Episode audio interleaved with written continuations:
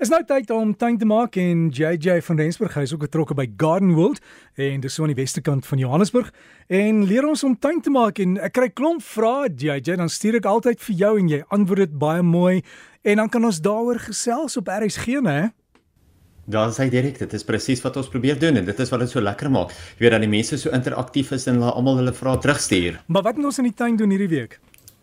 Dan sê Dirk, ek weet jy het 'n vraag gehad oor 'n dametjie wat geskryf het en gevra het wat kan sy doen met haar honde wat heeltyd teen die draad op en af hardloop. Sy het gesê sy bly by 'n klein hoewel of ietsie en sy het honde wat heeltyd teen die draad op en af hardloop. Is daar 'n moontlikheid dat sy een of ander grondbedekker daar kan plant wat die honde se hardloop eintlik kan hanteer? En ja, die antwoord is nee.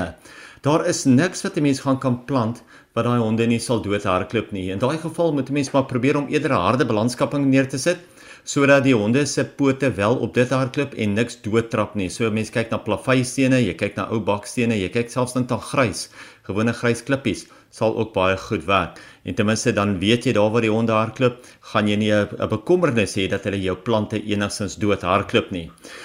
Maar Derek ja, dis soos jy sê, uh, daar is soveel nuwe groei op ons plante en soveel besonderse plante wat nou skielik blom koraalbome, jasmyne, amaryllis is maar net 'n paar van hulle en ek weet baie van die jasmyne het eintlik al klaar geblom, maar daar is nog van jou ander jasmyne wat blom. Die broodboom en palm stoot ook nou nuwe blare uit en nou moet jy die ou blare afsny om spasie te maak vir daai nuwe blare. Onthou want sodra daar nuwe blare is, vrek die ou blare gewoonlik vinnig weg. Ook ook op die onderwerp van nuwe blare. Mens moet gereeld water gooi by jou broodbome om die nuwe blare te ondersteun want as dit nou gaan droogte lê, gaan daai nuwe blare uitdroog en kan jou plant self vir 'n paar jaar dormant wees en geen nuwe blare uitstoot nie. Ek het al gesien hoe dit gebeur het. Mense het my gesê, "Jy, wat maak ons nou?"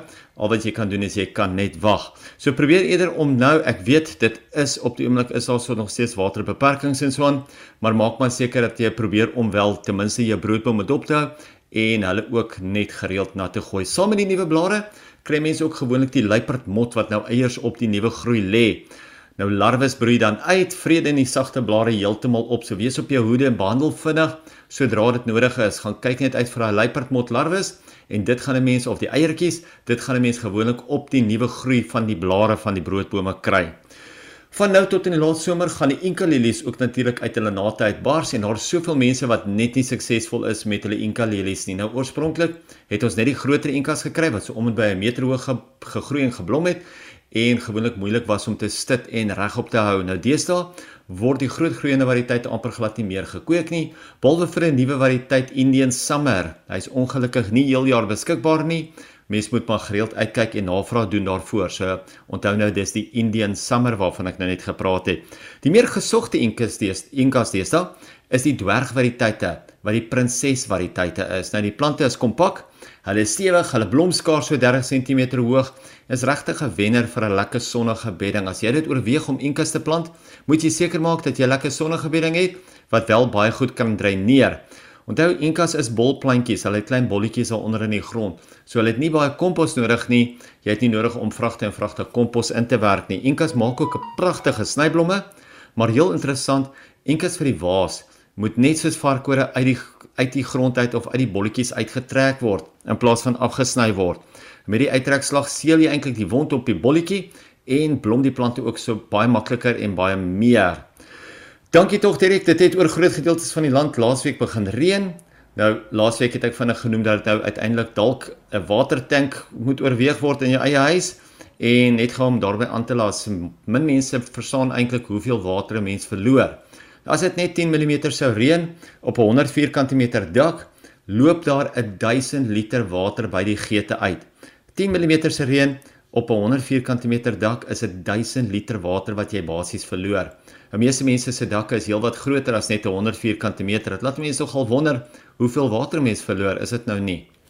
Voordat ek by die plant van die week uitkom, ek het vinnig genoem volgende naweek is natuurlik een van die groot naweke by Garden World met die roosskou, maar is nie net 'n roosskou nie.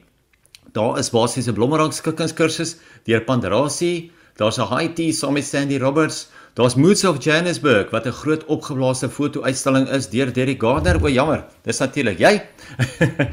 en ook die Morris Minor uitstalling. Blommerangskikkings deur die Gauteng Flora Unie en nog baie meer. So as jy 'n spogroos in jou tuin het jy wil graag ook spog en geld wen, is dit ook jou kans om dit te kan doen om jou roosknop te kom inskryf by 'n kompetisie. Vir meer inligting, pryse en natuurlik ook die program kan jy by www.gardenworld.co.za op die webtuiste dit net gaan loer. Gaan soek net vir Gardenworld en dan gaan jy dit baie maklik daar kry. Ja, en JJ, um, Direk ons plan van die die die, die roosknop, hoe groot moet hy wees? Solank jy kan spog met hom, party manne spog maar met 'n kleintjie, ander spog seker maar met 'n groter een wat beter lyk en beter ryk. Ek weet ja nee, ek dink dit gaan hierso nou definitief oor die kwaliteit van die roos. Jy weet ja. so, ja, as dit 'n mooi kwaliteit is, 'n besonderse kleur en natuurlik mooi gesond is, ek dink dan gaan jy definitief kan 'n prys 'n losslaan. Ons plan vir die week vir hierdie week is weer een van daai nuwe spesiale agapantusse. Nou die agapantus Queen Mum is 'n baie sterk groeiende agapantus met twee kleurige blomme. Ek weet nie wie van julle dit al gesien nie. Hy's wit en pers op dieselfde blom. So is eintlik 'n wit blommetjie met 'n perser keel, maar onthou dit is buitekant wat die kleure gee, die binnekant is maar net spierwit. Die groot blomknop ontwikkel op stewige blomstele tot en met so 1.5 meter hoog. En as ek sê groot blomknop, dan praat ek van ietsie wat so amper sokkel sokkerbal grootte is. Dit is ongelooflik mooi. Hierdie inheemse wenner groei baie goed in die volson. Hy kan halfdag skaduwee hanteer. Hy's gehard en hy kan floreer in potte of in bedding. So, gaan kyk bietjie uit of jy die queen mum in die hande kan kry. Ek dink nou dat ons nou dat ons so baie gepraat het oor die koningin in die laaste rukkie, is dit ook 'n goeie tyd om dalk ons eie koningin in ons eie tuin te kry. Die Agapanthus queen mum. So gesels JJ van Rensburg oor al die dinge wat gebeur in daai uitstalling by Garden World en hulle het 'n webtuis, jy kan maar net Google. En as jy vir JJ wil kontak, hy plaas vir ons die foto's op die Breakfast Facebook bladsy van al die plante waar hy gesels het, die plant van die week. So jy kan dit daar gaan kry, Breakfast. Sluit aan by ons groep en vir die kwekery wys hierdie ene, is nie daai ene, dis die een wat JJ gesê het ons moet koop. En dan het jy hom, die foto is daar, jy kan daarvan af 'n kontak maak met JJ. Lekker tuin maak.